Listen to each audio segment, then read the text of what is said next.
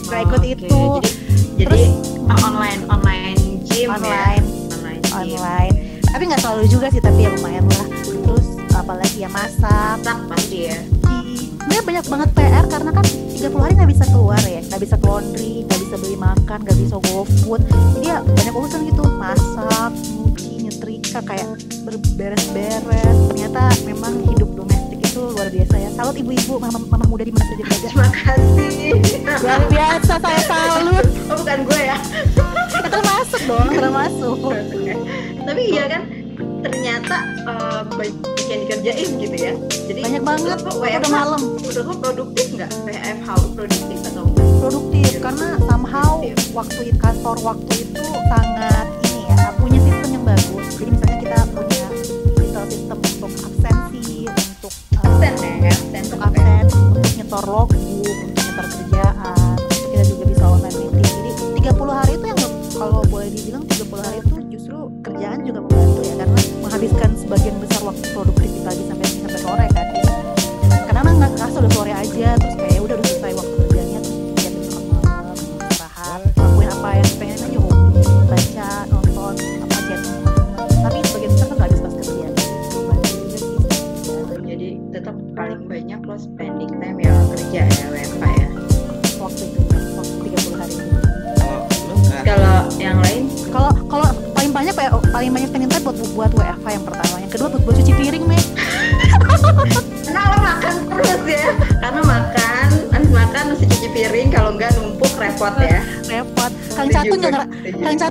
ngerasain nih kayaknya. Iya, Itu nggak ngerasain nah, gak ngerasain gender gender bias ya gender bias. Iya ini pembantu pembantu. Iya. pembantu lu membantu apa? Membantu makan. Enggak dong. Membantu, habisin. menghabiskan makanan. Jadi pembantu gue tuh mudik. Oh, oh. kan nggak boleh mudik. Mendiscourage dia supaya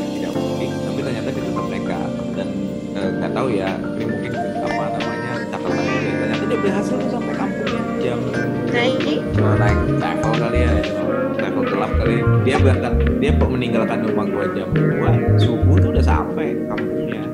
Eh tapi teman aku juga gitu tuh ada pembantunya bro. Beberapa hari lalu balik sampai berhasil. Tapi pakai travel jalan tikus jadi gue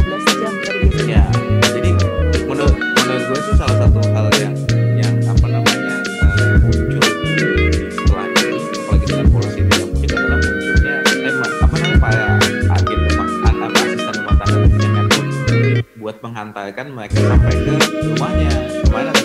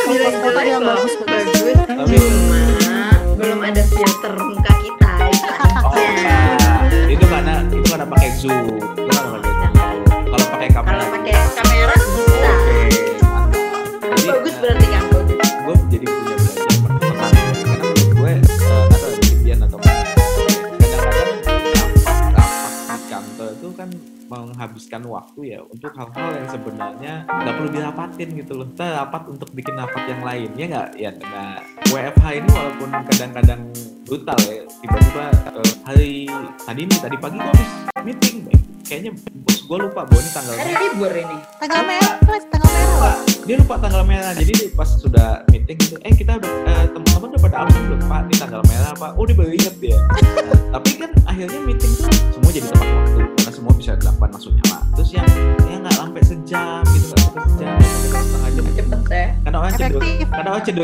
ingin cepet-cepet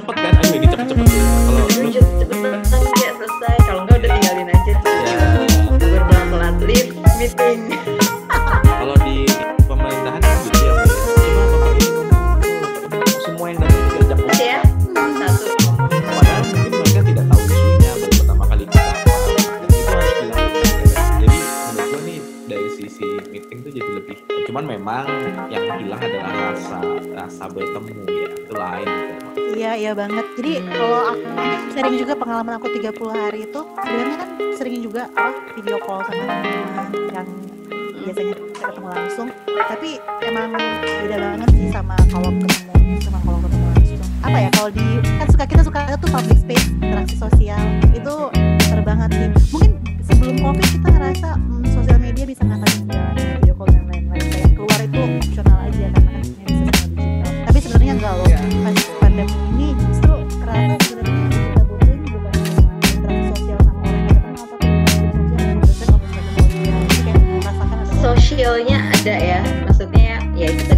Sosial kan? Apa namanya ya? Feel ya dirasakan. Kalau nggak Jadi salah kalau nggak salah aku pernah baca interaksi sosial itu kan merasakan ada orang lain yang sedikit walaupun kita tengah ngobrol tapi kita ngerasain uh, kita Iya, apa ya perubahan iya. suara gerak dan lain-lain yang mempengaruhi juga perubahan kita salah satu dari sosial di ruang Nah, publik. kalau ini kaitannya sama ruang publik. Iya betul betul. Kalau ya sekarang kan ya udah nggak ada interaksi sosial kecuali sama orang rumah gitu kan. Ya kalau misalnya mungkin kejadian banyak gini sendiri ya kan ya udah udah pasti lu lu udah udah merasa frustrasi belum nih selama 49 hari Iya, gua udah, di hari- gua udah. Ah, lo hari, udah banget gua hari ke-15 kurang lebih. ya sama lah segitu kira-kira ya. gue sekarang udah mulai sih udah mulai kayak aduh begak begak banget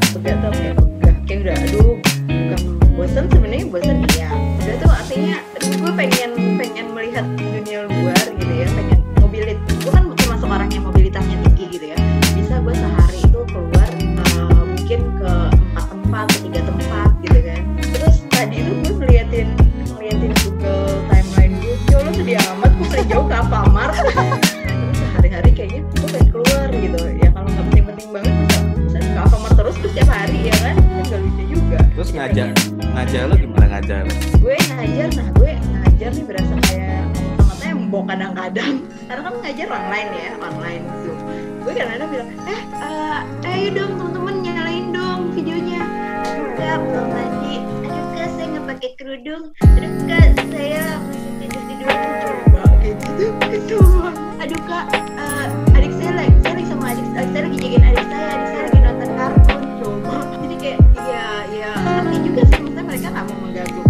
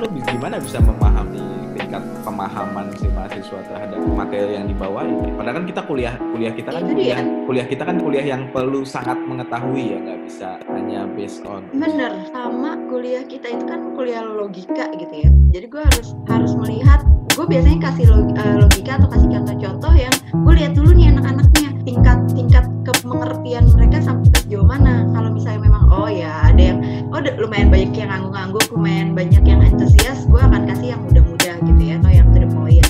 Tapi kalau misalnya enggak gue harus kasihnya step by step kan. Nah kalau sekarang kan gue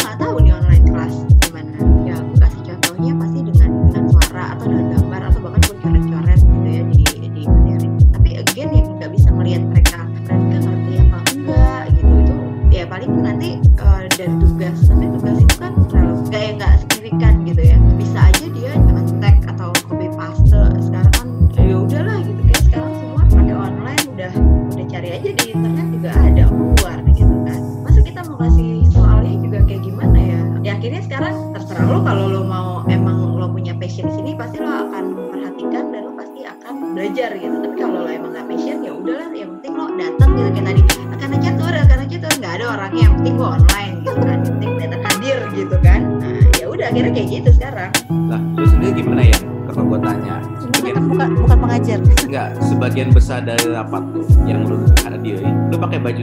pakai kerja atau pakai baju rumah? Itu pertanyaan pertama. Lo pakai baju seragam nggak? Pasti pakai seragam lah ya karena kan kita kan biasanya harus nyalain video harus pakai seragam. Pertanyaannya justru mesti balik. Seragamnya lengkap apa enggak? Nah, itu pertanyaan berikutnya seragam atas, bunyi tetap celana pendek dan hot pants. Celana pendek, sarung, anduk apa aja yang lagi dipakai. Celana piyama. Sama yang ya, ya kalau buat cewek yang penting selain seragam juga lipstick tetep ya. Tuh kan alis on point lipstick itu emang cuma dua hal itu yang emang Cuma- kita perlukan Cuma dua hal banget. itu. Jadi kali satu ini bu- bukan masalah ngeceng ya. Masalahnya kan kalau zoom kita ng- ngeliat Iya, video kita. bener. Jadi kayak puas aja gitu. Kalau yang lain rapi kita juga rapi. Nah, enggak, karena kan gini, eh, tadi kan tadi kan itu ya, tadi dia eh si Mei cerita soal mahasiswa. Kita kan kadang-kadang meeting banyak ya, misalnya meeting yang besar aja bukan yang kecil, meeting besar dari peluang gitu. Peluang kan banyak kan yang videonya tuh dimatiin tuh. Iya banyak. Itu gimana kita yakin mereka dengerin kita ya? Atau kita atau bener? Gue pernah enggak, gue ada cerita, ini cerita nyata fakta beberapa hari yang lalu. Jadi ada rapat, ini rapat udah mau selesai emang. Jadi biasalah kan pimpinan rapat memberikan arahan terakhir. Silakan Pak. Terus gue agak-agak agak pegel gitu. Gue matiin lah video gue, dan video gue agak kebahan, agak kebahan gue nggak kabur gue bahan sambil dengerin si bapak itu cerita sambil gue merasa itu seperti lagu Nina Bobo. Terus gue tidur. gue bangun, udah selesai meetingnya, udah selesai meetingnya. Dipanggil Alkana catur Alkana catur gitu. oh tidur ini. Gue langsung aja ke temen yang ikut apa tuh tau kan ya eh, tadi gue dipanggil lagi nggak? Nggak pak. Aman pak. Udah selesai. Kesimpulannya apa? kesimpulannya? Kesimpulannya apa? Oh gini gini gini. Ya soalnya tadi saya lagi ngajain sesuatu terus nggak fokus sih ya. Gue bilang gitu. Padahal gue tidur cek. Itu pasti Tapi- banget. Lo juga tapi- pernah nggak kayak gitu? Tapi mungkin kalau boleh sharing ya sebenarnya dari sisi rapat kan seperti Kang Caktu bilang tadi di awal, sebenarnya banyak banget rapat yang sebenarnya nggak perlu jadi rapat. Hmm. karena misalnya bisa surat surat atau email aja sebenarnya bisa karena nggak efektif gitu kan. Nah mungkin pas WFA itu aku juga belajar kapan harus nge-mute rapat. Jadi kalau untuk rapatnya terlalu besar dan aku sebenarnya nggak terlalu relevan di situ, biasanya aku mute. Jadi ya, apa? Maksudnya bukan mute ya apa? Matiin videonya. Jadi aku bisa sambil Jadi- ngerjain yang jadi lain. penonton ya Misalnya hmm, bisa sambil ngerjain yang lain, misalnya sambil ngerjain kerjaan yang lain atau sambil pernah sambil masak karena rapatnya bener-bener 6 jam jadi kayak ini kapan orang makan nih kapan istirahat kayak gitu. Jadi rasanya buat apa ya tataran individu juga bagus sih uh, Zoom meeting itu karena kita bisa jadi tahu kapan kita harus bener-bener fokus karena kita sangat relevan di situ. Kapan kita bisa sambil yang lain tapi tetap aware aja bahwa sama rapat. Kalau buat aku ya. setuju gue cuma gue sedih sih karena gue nggak pernah rapat ya ya, lo kan ngajar iya gue kan ngajar gitu jadi nggak rapat itu rapat itu tuh nggak nggak signifikan. Dan gue bukan pejabat kan di kampus jadi gue nggak pernah diajak rapat. Jadi nggak pernah ada rapat-rapat gitu. Biasanya kalau rapat itu ya kalau setelah eh, apa setelah ujian gitu kan atau misalnya rapat eh, tugas akhir gitu. Tapi kayak kayak rapat-rapat kecil itu biasanya udah selesai di WhatsApp grup misalnya ini gini ya besok gini gini yaudah sini gitu. Udah selesai gitu. Jadi rapat itu pun eh, sebagian besar kita bisa selesaikan nggak tanpa pakai Zoom meeting dan lain-lainnya gitu. Kecuali kalau misalnya rapat evaluasi yang bener-bener semua dosen uh, tetap dan dosen tidak tetap juga hadir nah itu baru pakai uh, Zoom meeting gitu. Mungkin ya ini karena belum sampai saat ini sih gue belum pernah ada meeting-meeting yang rapat-rapat pekerjaan belum ada sih. Ya jadi menurut gue kan nanti akan berubah sih yang presiden ya. Jadi ini presiden buat generasi ya. Satu generasi generasi beberapa generasi di atas dan beberapa generasi di bawah. Bahwa kita pernah menjalani dua bulan mudah-mudahan cuma dua bulan eh, rapat eh bekerja dengan rapat yang sangat selektif gitu. Kalau dulu kan kita, kalau dulu kan kita kalau nggak merasa relevan kita tugasin lah teman di kantor tolong dong hadir rapat itu. Karena kita merasa ah nggak penting nih gue datang mendingan gue kirim orang aja tapi sekarang kan kita jadi harus attend rapat tapi kita bisa tadi pilihan kita mute lah kita stop video lah jadi kita bisa ngerjain yang lain ya ini menurut gue akan berubah sih kalau menurut gue Ya sebenarnya ini tuh kalau menurut aku kayak keluar dari zona nyaman ya. Jadi kalau dulu kan sebenarnya kita dari dulu udah bisa kali online meeting Zoom itu udah lama tahu adanya. Iya, Dan bener, udah beberapa bener. kampus luar udah bikin kuliah online gitu kan pakai Zoom yang nggak berbayar. bener-bener Cuma ya kayak kita merasa ah, jadi eh, dengan baik dengan kayak gini seperti Kang Catu bilang tadi generational gap untuk menggunakan teknologi bisa eh, bisa cepet banget teratasi nih. Nggak perlu macet-macet sejam ke pusat kota cuma untuk attend meeting yang sebenarnya juga nggak relevan. iya betul Kita bisa langsung betul online. betul Perila- perilaku ya banyak berubah nanti. iya karena kita kadang-kadang mungkin setuju kita zoom meeting aja deh gitu aja ketemuannya Ya. bagus. Terus kalau ya itu hal yang lain ya. Ini yang hal yang kedua nih mungkin yang nggak enak sih. Kalau misalnya dari dari lo dulu deh Mei ada nggak sih lingkungan sekitar lo teman atau kawan atau keluarga yang terdampak secara ekonomi dari COVID-19 ini? Kalau di lingkungan sekitar sih belum ada ya, maksudnya yang terdampak mungkin terdampak keluarga ya ada beberapa juga yang memang pekerjaannya jadi sedikit terhambat sebenarnya, Hmm. tapi nggak terhambat dalam artian. Oke adik gue gitu kan dia kerjanya di lapangan kan, energi gitu ya. Nah, dia kan biasanya selalu datangnya itu ke luar-luar kota gitu. Jadi ya project-projectnya sekarang sementara ini terhenti gitu kan. Hmm. Ya, tapi ya masih masih tetap bekerja, artinya bekerjanya di rumah ya. Ya tapi kalau engineer gitu kan kalau misalnya nggak nggak keluar dan nggak bekerja ya time sheet lo ya, income lo akan berkurang gitu kan. Ya, paling itu aja sih. Tapi tetap sih uh, so far ya masih ada pekerjaan gitu. Belum ada yang benar-benar di misalnya di PHK atau apa gitu sih belum ada sih alhamdulillah. Keluarga dekat atau sekeliling gitu ya. uh, rata-rata sih ya belum ada sih kalau gue sih ya.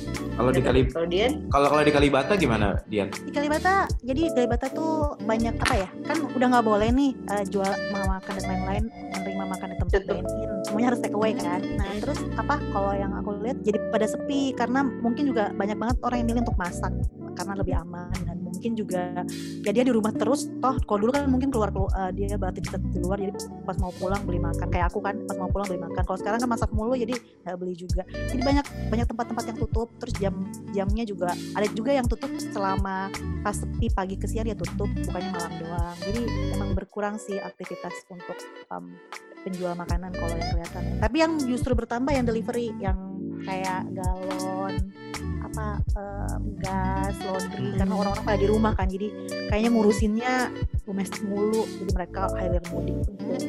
Which is itu Yes. tantangannya nggak sih kalau di pemukiman padat? Mereka itulah kunci-kunci pembawa virus. Apa enggak kalau mereka nggak hygiene juga kan? Hmm, Iya, ya.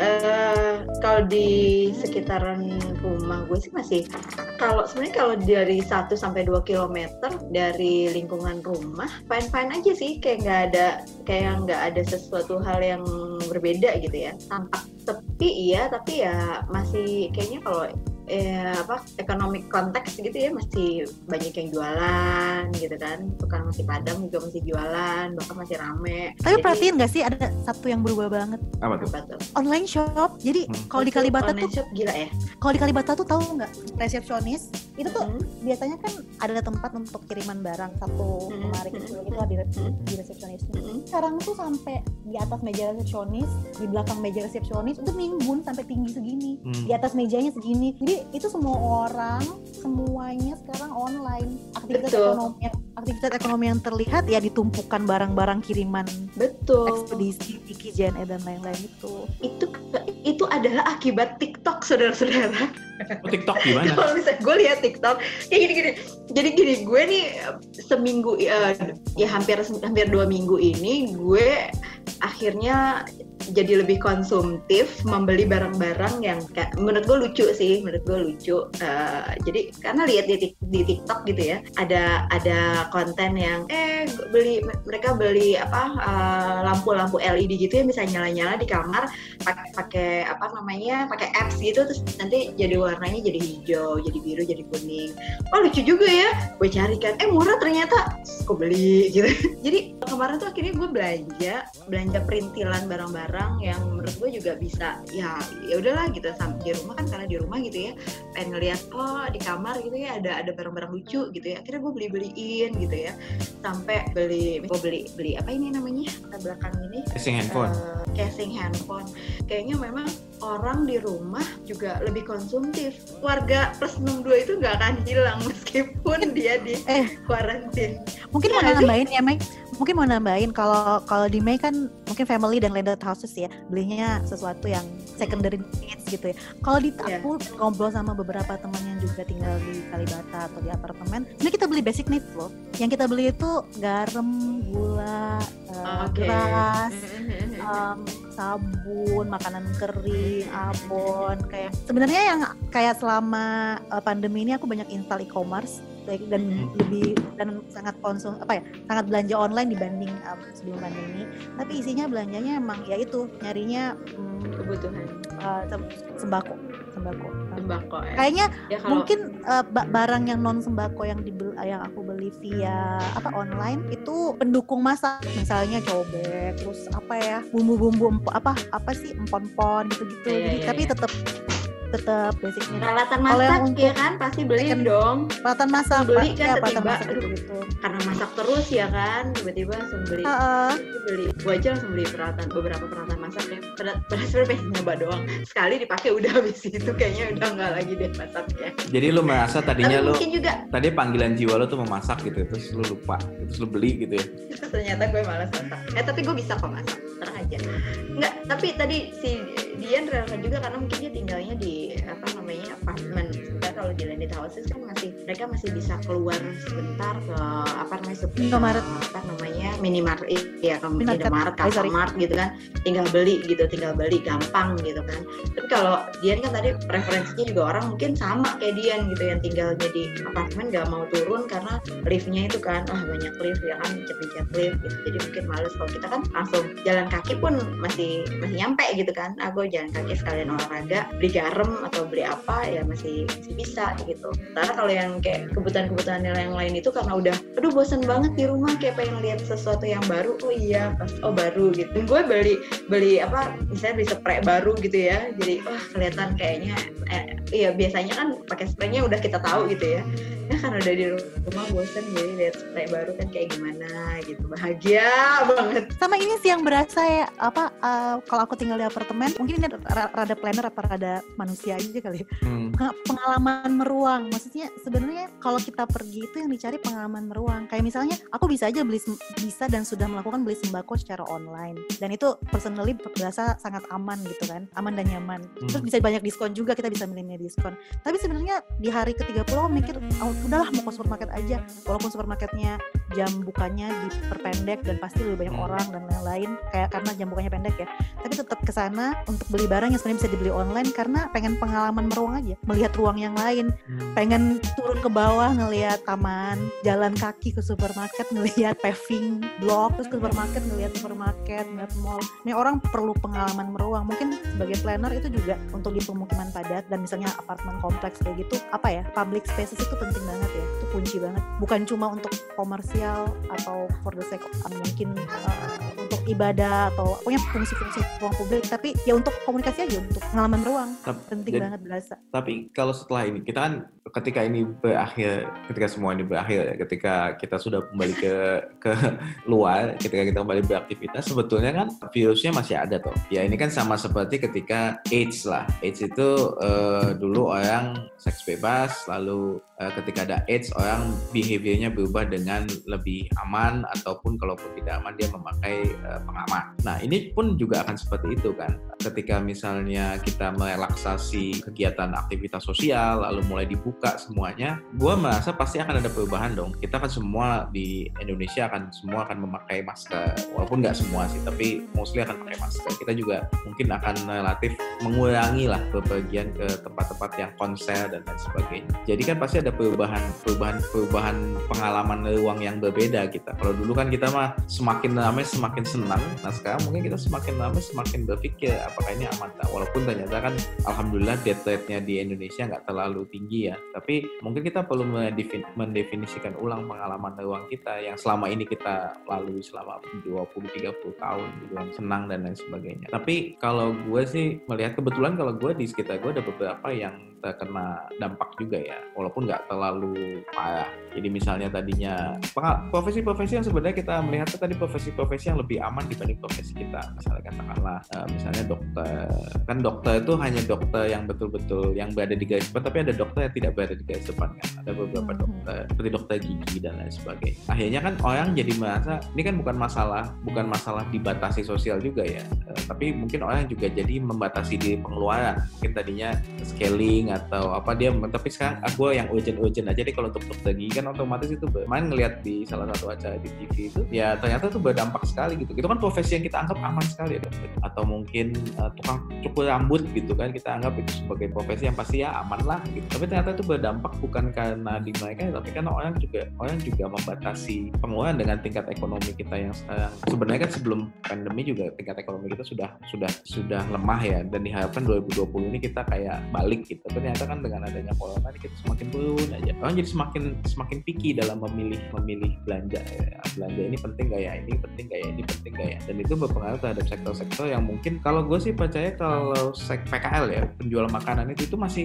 aman selama dia memastik memberi menunjukkan kepada pelanggannya saya protokol saya aman. Nah sekarang tinggal masalahnya orang punya uang nggak untuk beli makanan-makanan itu? Itu kan lain lagi. Nah tapi sektor-sektor yang lebih berbahaya justru sektor-sektor apa tuh ya yang kemarin itu sempat muncul di laporan Bank Dunia itu loh yang aspiring middle class dan middle class dan lain sebagainya itu sektor-sektor yang kerasa aman lihat aman oh mereka kerja di kantoran dan lain sebagainya tiba-tiba harus live kayak apa SPG SPG di mall kan mereka aman. Kemarin mungkin ada store manager gajinya mungkin 15 juta tapi tiba-tiba tokonya tutup jadi tinggal berapa. Itu kan golongan-golongan yang mungkin tidak tercapture lewat uh, policy yang pemerintah kartu prakerja itu tapi sebenarnya terdampak sangat signifikan. Gimana tuh Ini menurut aku ya. Iya dong. Kalau kalau aku sih agak reflektif ya. Sebenarnya memang dari kacamata ekonomi pasti semuanya balik-balik kuantifikasi. Cuma aku lihat pandemi ini mengajarkan kita untuk mengkualifikasi hidup. Dalam arti nggak semua hal bisa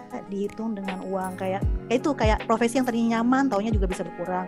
Atau orang yang tadinya kayaknya hidupnya nyaman banget ya bisa kena kena, kena corona aja gitu. Hmm. karena dia keluar negeri, karena dia keluar negeri mulu liburan, ya. kayak gitu, hmm. kayak gitu. Atau ya menteri kayak gitu. Atau dia terekspos banyak orang. Jadi sebenarnya mungkin menurut aku refleksi kalau dari aku sendiri ya, refleksinya justru harusnya waktu-waktu ini mengajarkan kita untuk mengkualifikasi hidup instead of selalu selalu mengkuantifikasi semua hal. Semua hal selalu lihat secara ekonomi secara hitung-hitungan untung rugi transaksional. Um, karena kita secara personal pasti kan akan punya insting bertahan hidup dong. Yeah. dan kita akan dengan insting survival itu kita akan memprioritasasikan apa yang kita butuhkan sekarang. Jadi kayak tadi scaling gigi nggak terlalu penting dibanding beli sembako. Jadi dia turun turun derajatnya. Atau ngopi-ngopi nggak terlalu penting dibanding ya tadi beli sembako misalnya atau beli beli kuota.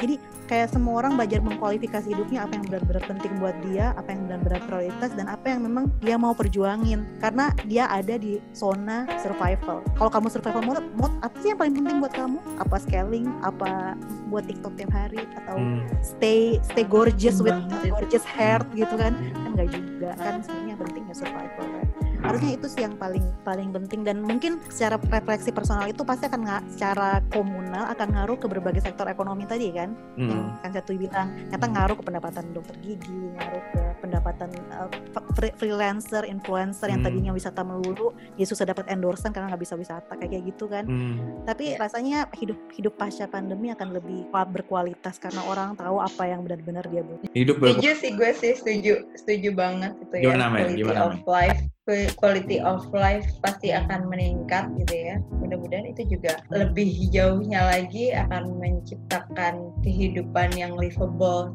Anyway, uh, mungkin kalau yang tadi Dian bilang sebagai refleksi apa namanya ya tidak semuanya kawan dengan apa namanya jumlah atau nilai gitu.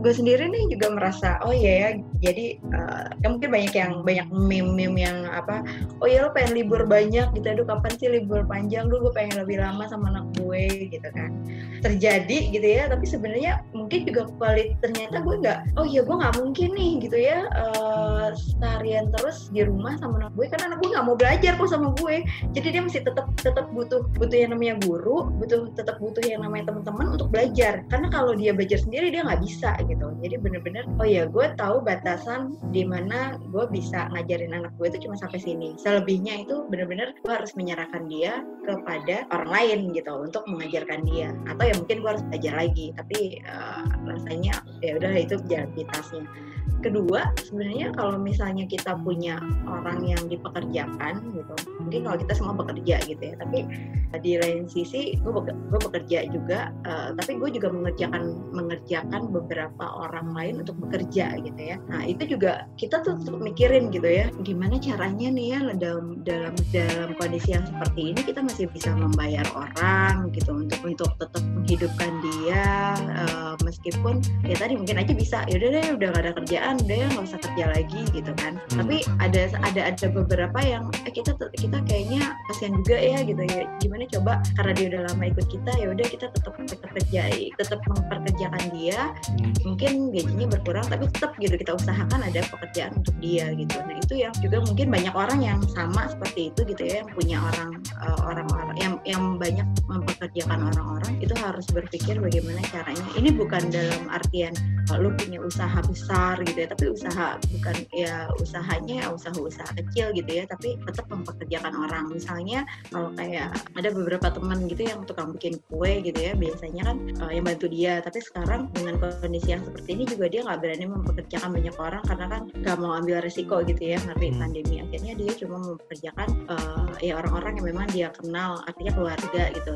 Untuk keluarga-keluarganya aja. Tapi untuk yang orang lain yang biasa kerja sama dia akhirnya dia memutuskan untuk yaudah dikasih dikasih pekerjaan yang bisa dikerjakan di rumah. Pokoknya ada aja lah yang harus yang bisa dikerjakan sama dia supaya dia tetap tetap apa namanya menghasilkan. Nah itu yang mungkin dari situ sih gue melihat bahwa ya memang tetap dia yang harus mengkuantifikasi gitu kan. Cuma bener orang-orang tetap in, in social life itu mereka harus punya empati yang tinggi gitu untuk mengkuantifikasi itu bukan untuk dirinya sendiri tapi mengkuantifikasi sesuatu itu untuk uh, empati terhadap itu yang gue lihat gitu ya iya. ternyata sosialnya sosial sosial engagement itu menjadi penting dan menjadi tinggi pas pada saat pandemi ini pengen masuk rem dong. Nah makanya mungkin mau mungkin mau masuk mau masuk ke situ ya. Maksudnya secara personal emang pasti uh, tadi ya kuantifikasi ke kualitas gitu. Nah tapi kalau dari aku kayak dari sisi kita tahu dari sisi personal tahu kualitas apa yang didukung sebenarnya bisa membantu kita mendu, uh, memilih narasi apa yang kita mau dukung untuk hmm. sistem dan kebijakan. Kayak tadi Mei bilang kalau Mei mendukung narasi empati jadi kita berbagi tetap berusaha gimana caranya orang-orang yang bergantung ke kita nggak terdampak. Kalau dari sisi aku mungkin yang belum memperkerjakan orang mungkin aku melihat lagi narasi sebenarnya narasi kebijakan ekonomi kita tuh apa narasi sistem yang ada tuh apa. Terus nanti ke depan kalau aku misalnya let's say lagi atau nulis atau apa narasi apa sih yang pengen aku sampaikan? Apa sih yang aku dukung yang sesuai dengan values tadi atau values aku tadi? Bukan sebatas-batas semuanya kualitas tapi kualitas itu mendorong kita memilih narasi yang kita dukung. Sebelum kita memilih narasi yang kita dukung kita juga bisa lihat narasi apa sih yang salah. Maksudnya misalnya nih sorry langsung bilang ini aja. Misalnya kita katanya punya banyak unicorn dekakorn. Tapi pas kayak gini kita yang disuruh peduli gitu. Ke mana ke mana aja orang-orang itu. Kayak gitu kayak narasinya ada yang salah nih kayaknya. Kayak gitu jadi kayak ada yang nggak balance nih imbalance. Kayak kayak gitu. Terus jadi kita harus ngapain dalam imbalance itu? Apakah kita ngeliat aja cukup tahu atau kita bisa hmm. gerakan sosial ikut nulis ikut uh, atau sesimpel ikut donasi? Yeah. rasanya itu bisa juga. Ini agak berbeda ya. Mungkin selama berapa belas tahun ini terakhir ini mungkin ini pertama kalinya people doesn't care about THR biasanya kan kalau di awal awal bulan puasa itu kan sudah mulai tuh buruh THR apa apa sekarang karena kita tadi disebut dia survival mode yang penting masih bisa kerja dia habis lebaran kayaknya menjadi penting. Memang apa kualitas hidupnya itu jadi naik karena kita jadi lebih empati. Jadi pekerja itu jadi lebih empati sama employernya gitu misalnya. Oh ini lagi kayak misalnya kan kita lihat kemarin kan ada beberapa perusahaan yang memotong gaji walaupun yang paling besar tetap direksi. Direksi mungkin sampai 30% lalu ini uh, lapis bawah pegawainya biasanya tidak dipotong. Tapi kan jadi kan semua belajar untuk empati. Nah kemudian harusnya setuju sama Dian tadi gimana empati yang sudah terakumulasi ini kan ibaratnya semua empati-empati kecil muncul terakumulasi uh, menjadi satu kekuatan besar kemudian bisa diakomodir dalam bentuk narasi bangsa tadi narasi bangsa yang kemudian terjewantahkan dalam bentuk kebijakan gitu misalnya ya kebijakan yang dipilih oleh pemerintah ataupun pengambil. Nah yang kemudian menjadi apa tadi bias itu adalah pada saat empati yang terakumulasi energi positif ini ternyata ternyata tidak inline sama narasi yang ada maupun policy yang ada. Nah itu jadi masyarakat bingung. Tapi ini bicara narasi ya tidak bicara policy jadi tapi kita memang tapi, gimana gimana? tapi sebenarnya sebenarnya kalau dari sebenarnya saya kan lagi transitioning nih dari dari dalam sistem keluar sistem ya. Kalau saya lihat sebenarnya memang um, sebagai civil society juga kita nggak bisa selalu blaming dan mengharap pemerintah melakukan semuanya. gitu. Hmm. Jadi emang kalau memang narasinya apa yang kita harap dari dari narasi itu tidak terjadi atau belum terjadi, sebenarnya banyak banget kok movement di luaran yang um, bikin sendiri dari civil society tanpa nunggu pemerintah atau mungkin um, ya dia pengen aja bikin. Misalnya ada inisiatif bagi rata. Kalau pernah dengar bagi rata ID. Hmm. Jadi itu kan kan ada um, itu sebenarnya konsepnya kalau saya lihat sih kayak kayak mau ngelihat universal basic income income UBI UBI Hmm. ya gitu kan kan belum ada tuh terus eh, dalam covid ini kan banyak yang terdampak eh, untuk sektor eh, pekerja-pekerja kreatif. Misalnya tadinya bu apa ya freelancer buruh-buruh apa orang-orang yang bukan buruh sorry maaf kita semua buruh apa orang-orang yang kerja di dunia seni eh, yang nggak freelancer gitu ya Eh, itu kan juga banyak yang jadi bagi rata itu kita bisa donasi nanti mereka akan di uangnya ke teman-teman yang terdampak ekonominya tapi bukan tapi mereka akan mengkurasi. Jadi orang-orang yang memang ada standarnya gitu bukan langsung orang miskin. Kalau orang miskin kan mungkin udah dapat dari pemerintah jadi emang pekerja-pekerja. Kayaknya dia punya kriteria dia kayak inisiatif-inisiatif kayak gitu bukan cuma satu ya kayaknya banyak dan bakal lebih banyak lagi. Jadi saya rasa kalau dibilang uh, kita mengharapkan narasi pemerintah berubah atau sesuai dengan yang kita mau juga ya iya sa- partly tapi ada juga inisiatif banyak banget inisiatif lain yang timbul pasca bukan pasca saat pandemi Jadi banyak memang kan banyak orang yang terdampak tapi mungkin tidak tercapture, tidak tercapture Iya. karena dia eh, dari tadinya mungkin golongan aman terus tiba-tiba karena nggak ada pekerjaan langsung hilang. Terutama misalnya kayak eh, freelancer-freelancer yang mungkin sekali dulu sekali project bisa buat hidup 6 bulan 8 bulan tiba-tiba nggak ada job kan langsung. Ya soalnya ini kan nggak mendadak ya. Eh, Desember kita masih baik-baik aja, Januari awal kita masih baik-baik aja, tiba-tiba kita Februari langsung drop gitu. Jadi memang kayaknya orang belum siap ya. Dan ternyata sektor sek jadi sektor-sektor yang menjadi pengaman buat kelas menengah gitu misalnya kayak pasar modal dan lain sebagainya juga kebetulan hancur, kolaps dan lain sebagainya. Jadi ini memang satu apa ya satu krisis yang berbeda memang. Saya kalau gue nggak bisa bilang bahwa ini lebih parah dibanding 2008 atau 98. Tapi ini sesuatu yang berbeda memang, sesuatu yang sangat berbeda. Yang nggak tahu sih ini akan membawa kita ke mana sih. Tapi yang jelas memang semua orang akan merasa eh, kualitas hidupnya akan lebih baik. Kayak misalnya gini, eh, contohnya gini ya, tahun 98 itu membuat krisis 98 itu membuat orang banyak sekali ingin jadi pegawai negeri. Makanya kemudian muncul 2005 2006. Tapi keinginan itu sangat tinggi. Kenapa? Karena waktu itu kan mengajarkan mengajarkan ketika banyak orang tuanya atau keluarganya kehilangan pekerjaan di tahun 98, oh yang paling aman ya pegawai negeri. Makanya 2005, 2006, sampai 2010 tuh orang ber- berbondong-bondong sekali jadi pegawai. Nah di 2015 itu nggak terlalu vibe untuk menjadi pegawai negeri itu nggak se, se itu 2005-2008 itu waktu itu. Karena kan tidak ada trauma terhadap krisis itu. Karena 2008 kan krisis cuma selewat aja ya cuma pasar modal selewat aja. Nah nggak tahu nih yang setelah ini mengajarkan orang untuk jadi apa? Apakah eh, dari segi pekerjaan dari segi pilihan hidup dan lain sebagainya. Kalau gue sih sudah sampai tahap menikmati nih work from home. Itu gue pengen work from home kali ya. Menikmati dalam artian oh ternyata kita bisa bekerja kok. Tapi tetap ya gue harus ketemu orang ya itu dia susahnya ya enak juga ya. Kan cita-cita gue gimana nih punya ruko di dekat rumah terus punya kantor atasnya kantor pos kota ya.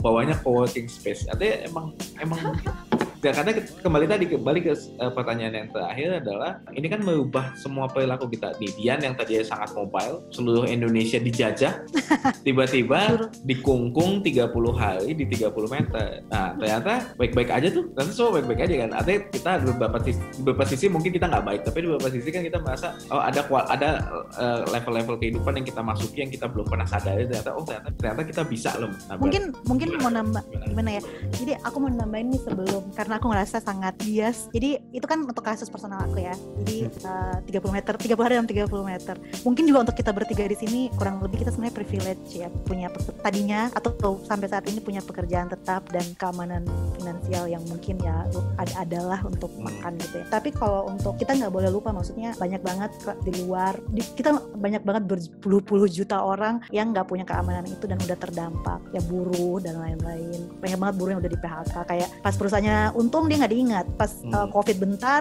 turun dikit laba langsung ya. langsung PHK Setuju atau tuh. uh, cuti nggak Bener. berbayar. Jadi memang kalau berangkat dari pendapat aku personal yang cukup privilege karena masih bisa makan ya, aku jadi tahu kualitas hidup aku minim SPM SPM standar standar minimum kualitas hidup Standar aku minimum. ah, itu kayak gimana. Tapi sayang sekali yang kayak aku kayak gini kan nggak banyak banget yang nggak nggak kayak kita ya. Ya, Jadi, banyak sekali, banyak sekali. Uh, nah, mungkin refleksinya justru kondisi kayak gini bikin yang tadi Mei bilang, kayak Kak Mei bilang, bikin kita uh, empati dan bisa support narasi yang lebih baik baik dari pemerintah maupun dari civil society untuk memperhatikan teman-teman kita yang nggak punya privilege itu dan bagaimana sistem telah cukup failed ya untuk kalau untung untung sendiri Untung sendiri. Bener. kalau rugi rame-rame Ya itu kan kapitalis. rugi Yalah itu Jadi- kapitalis ya. Nah, apa kita perlu masuk ke dunia sosialis di mana semua orang harus rata. Kalau gitu sih Maksudnya Kita kan Ta- takutnya dikira saya privilege ya tapi kan tapi itu bener bener bener maksudnya banyak banyak orang yang apalagi kalau yang ya kalau itu tadi yang dia ngomong kan skalanya besar gitu ya. Misalnya perusahaan-perusahaan yang ya tadi unicorn udah ada unicorn dan dekakon nah sekarang ke mana tuh kan ya? Kenapa kita harus suruh donasi? Ya kan 2000 3000 5000 10000 ya kan? Tapi well anyway tetap banyak orang gitu yang donasi. Ya karena itu tadi empati kan? Karena orang-orang yang tadi Dian bilang misalnya kayak kita yang cukup secure finansialnya ya ya udahlah gitu. Kita juga tahu kita juga kita juga merasakan bahwa ya tadi narasinya pemerintah itu gak balance gitu. Jadi ya udahlah kita kayaknya kasihan nih kalau misalnya nunggu pemerintah ya sebisanya lah kita bantu sekecil apa pun kita bantu mulai dari lingkungan sekitarnya atau ya memang kita bisa jadi sa- salah satu pengeluaran terbesar juga tip tip Gojek nih tip Gojek sama tip tip GoPay ya, jadi memang ya memang banyak yang berubah sih. Kita juga jadi apa namanya memikir ulang juga ya sebagai sebagai perencana kota gitu ya, memikir ulang apakah ide compact city gitu ya. Kan misalnya eh, Dian tinggal di apartemen aja udah pusing gitu 30 hari gitu ya. Untungnya nggak ada ya, nggak nggak ada di di apartemen itu yang yang apa namanya yang kena gitu. Coba bayangin kalau misalnya tiba-tiba ada yang kena, kita siap nggak misalnya masa melockdown satu komplek apartemen kan nggak mungkin gitu. Jadi kemarin ada teman yang cerita dia kan eh, consultant lah. Dia me, me- apa menyuarakan compact city gitu. Terus dia bilang, waduh ini kalau udah kayak gini dagangan kita gimana nih? Maksudnya bakal dagang bukan dagangan jualan nanti eh, narasi perkotaan yang kita bangun buat kota itu harus. Ternyata nggak pemukiman padat itu ternyata bisa sangat rentan. Terus eh, public transport yang tidak siap itu ternyata menjadi medium penyebaran paling tinggi. Kita benar-benar harus compact atau nggak? Walaupun ada ada isu lain yang bilang bahwa climate change is bigger than COVID-19. Jadi kita tetap harus compact. Ada lagi yang ngomong kayak gitu. Kita mungkin harus di level eh bukan di tataran profesi kita ya mungkin kita harus memikirkan satu narasi baru dalam mengelola urbanisasi dari sekedar membuat itu jadi compact compact compact compact compact Kalau menurut saya kalau menurut saya boleh nambahin nggak ya boleh Jadi kalau menurut saya bagus ya kalau kita berefleksi juga tentang complexity. Tapi yang penting juga ya kita benar-benar um, melakukan riset tentang itu. Kayak kalau dibilang memang um, pemukiman padat lebih rentan, buktinya mana? Risetnya di mana? Udah pernah di PCR belum? Terus sejauh mana korelasi kalau kita pakai SPSS misalnya sejauh mana variabel pemukiman padat meningkatkan resiko terhadap penyebaran COVID? Karena sebenarnya bisa jadi di pemukiman misalnya di Menteng ternyata dengan tingkat kepadatan yang lebih rendah lebih banyak yang terdampak karena sebenarnya Hmm, kunci variabel yang berperan adalah uh, jumlah perjalanan ke luar negeri misalnya gitu Hmm. ya Jadi, um, make sure sebelum bikin kesimpulan complexity atau nggak complexity kita tetap ada riset dan itu lokasional jadi misalnya untuk Jabodetabek Tata atau atau bidang bidang iya itu akan berbeda jadi ya. mungkin um, nggak nggak langsung jumping to conclusion gitu tapi Hmm. benar-benar harus di riset sih karena kemarin saya sempat baca riset dari ada Harvard School of Design ya dia bilang dia mereka bikin trial gitu untuk ngelihat hubungan antara opsi orang memilih mau tinggal di pemukiman padat apartemen dan lain-lain high density Hmm. dengan opsi hi- higienitas cara dia milih behavior behavior perilaku Hmm. higienitasnya personal hygiene itu tuh ternyata nggak korelasi loh nggak correlate jadi Hmm. kayak kayak gitu jadi mungkin perlu apa ya sebelum jumping to conclusion kon- apa, kesimpulan mungkin di riset dulu kayak tadi ya riset yang udah dibikin sama teman kan di, di untar tuh bagus banget ya jadi Ya, jadi- bisa di Unta temuan sementaranya kan pertama eh, penyebaran itu lebih banyak di kelurahan yang tidak padat, kurang padat kelas menengah Hmm. dan lain sebagainya. Lalu sekarang di akhir bulan April eh, penyebaran mulai terjadi di pemukiman padat. Tapi memang ada beberapa klaster khusus yang eh, pada beberapa kelurahan yang dikenal memiliki kegiatan eh, sosial skala besar seperti pengajian dan lain sebagainya, pengajian ataupun gereja yang sangat besar. Tapi memang di Indonesia ini agak unik ya. Tapi mungkin itu biarkan kita serahkan kepada ahli kesehatan ya. Karena kalau kita masih berkumpul banyak itu ternyata belum ada sih ditemukan kasus ya. Atau mungkin karena belum terekspos nanti mungkin setelah selesai semua kan diekspos lah eh, ke- di mana orang itu terkena ya. Orang tuh terkena di pasar, orang tuh terkena di eh, mana namanya public transport tuh belum ya. Kebanyakan memang lebih banyak di kantor saat tempat atau di restoran atau rumah makan atau pertemuan. Gak seperti yang kejadian di mana tuh di Korea Selatan gitu misalnya di gereja yang satu Gereja. kena kena semua. Itu ya alhamdulillah kita belum sampai ketemu kasus kayak gitu. Jadi mungkin ada yang bilang ya eh, satu hal lagi hal lain yang muncul di yang di apa namanya di era ini kan semua orang banyak spekulasi COVID-19 itu begini, hal ini begini, hal ini begini, hal ini begini sampai satu-satunya hal yang berubah eh tidak berubah adalah perubahan. Jadi setiap hari itu selalu berubah. setiap hari selalu berubah ada ini ada ini. Katanya virus Indonesia tuh beda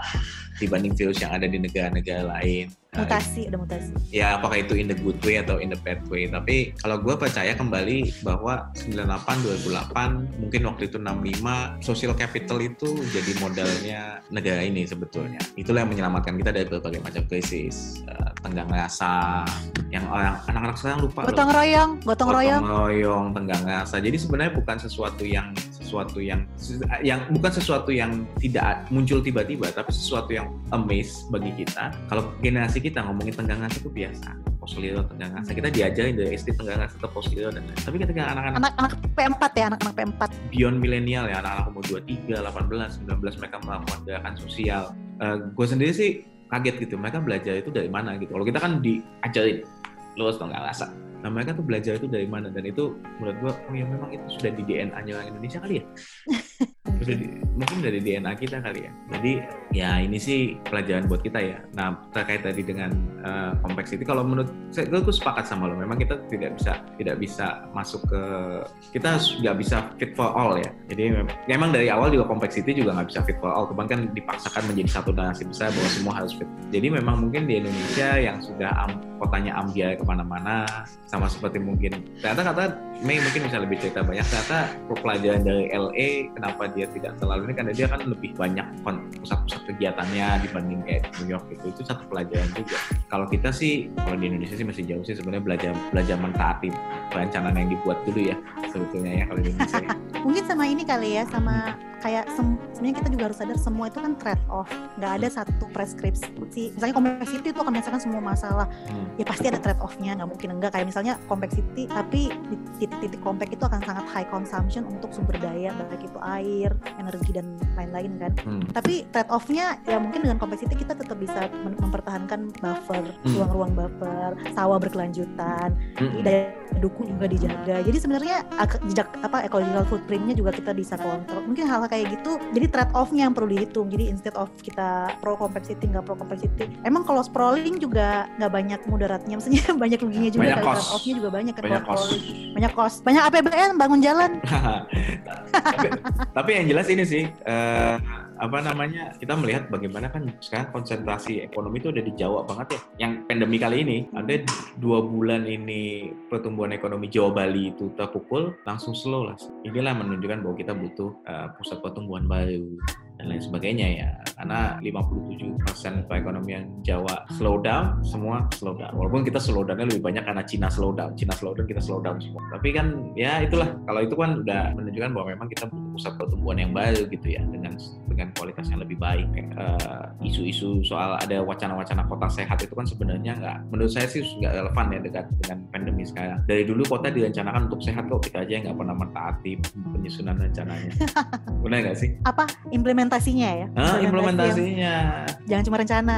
Iya, jangan cuma rencana implementasi. Jadi ya kita bikin dalam peta rencana kota ada sistem air limbah, bla bla bla bla bla. Tapi nggak pernah tuh kita terwujud higienitas sanit. Jadi masih banyak tuh yang lebih banyak kayaknya orang meninggal karena apa demam berdarah dibanding COVID-19 gitu. Nah, itu kan masalah higienitas. COVID-19 ini belum belum ditemukan. Itu kan karena ya dalam quote unquote ya kita higienitas pribadi ya, higienitas pribadi. Kalau itu kan lebih kepada higienitas lingkungan. Kita kayaknya wacananya lebih kepada mentaati, mengimplementasikan yang sudah ada dulu lah. Ada apa? SNI tata cara perencanaan kota yang dari tahun 2000 itu ya belum diganti. itu kayaknya mesti mesti kalau menurut gue sih itu yang Diupdate, diupdate. Oke, eh, any last word from Mbak Dian? Kalau harapan ke depannya Mbak Dian gimana? Untuk diri sendiri, merefleksikan kepada masyarakat, lalu untuk umat manusia lebih luas gimana? Waduh, kok, be- kok berat banget ya? Loh iya dong, kita kan Jangan pasti diberat-beratin Dian. ya cuma berharap kita sama-sama sadar aja kalau ini tuh maraton bukan sprint jadi em, rasanya untuk buru-buru berharap kita tiba di satu titik akhir bisa jadi harapan nomor sekian yang paling pertama kita bisa menikmati perjalanan ini sebagaimana adanya ya udah jadi sih dengan segala apa yang kita punya Nyanyi nih gue langsung.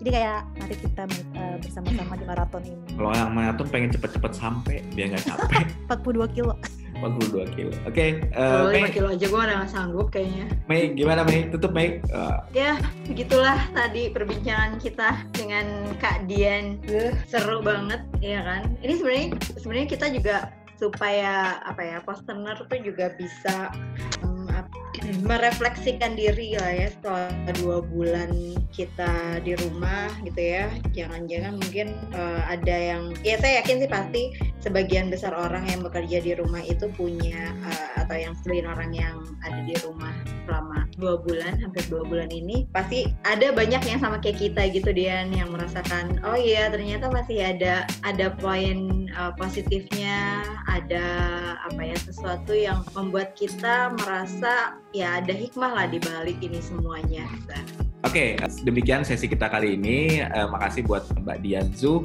yang sudah menemani kita eh, ngobrol. Insight-nya bagus banget, terutama buat teman-teman yang sebenarnya kita mulai merefleksikan apa sih pelajaran kita eh, setelah eh, proses ini, apa sih yang kita bisa ambil dan bagaimana kita harus melangkah ke depan. Tapi kalau bagi kalau dari saya pribadi, setiap krisis itu pasti ada peluang ya. Setiap krisis itu pasti akan melahirkan peluang dan apakah kita bisa mengambil peluang itu? Saya doakan semua yang ada di sini, termasuk Mbak Dian dan Mbak Pe bisa mengambil peluang itu.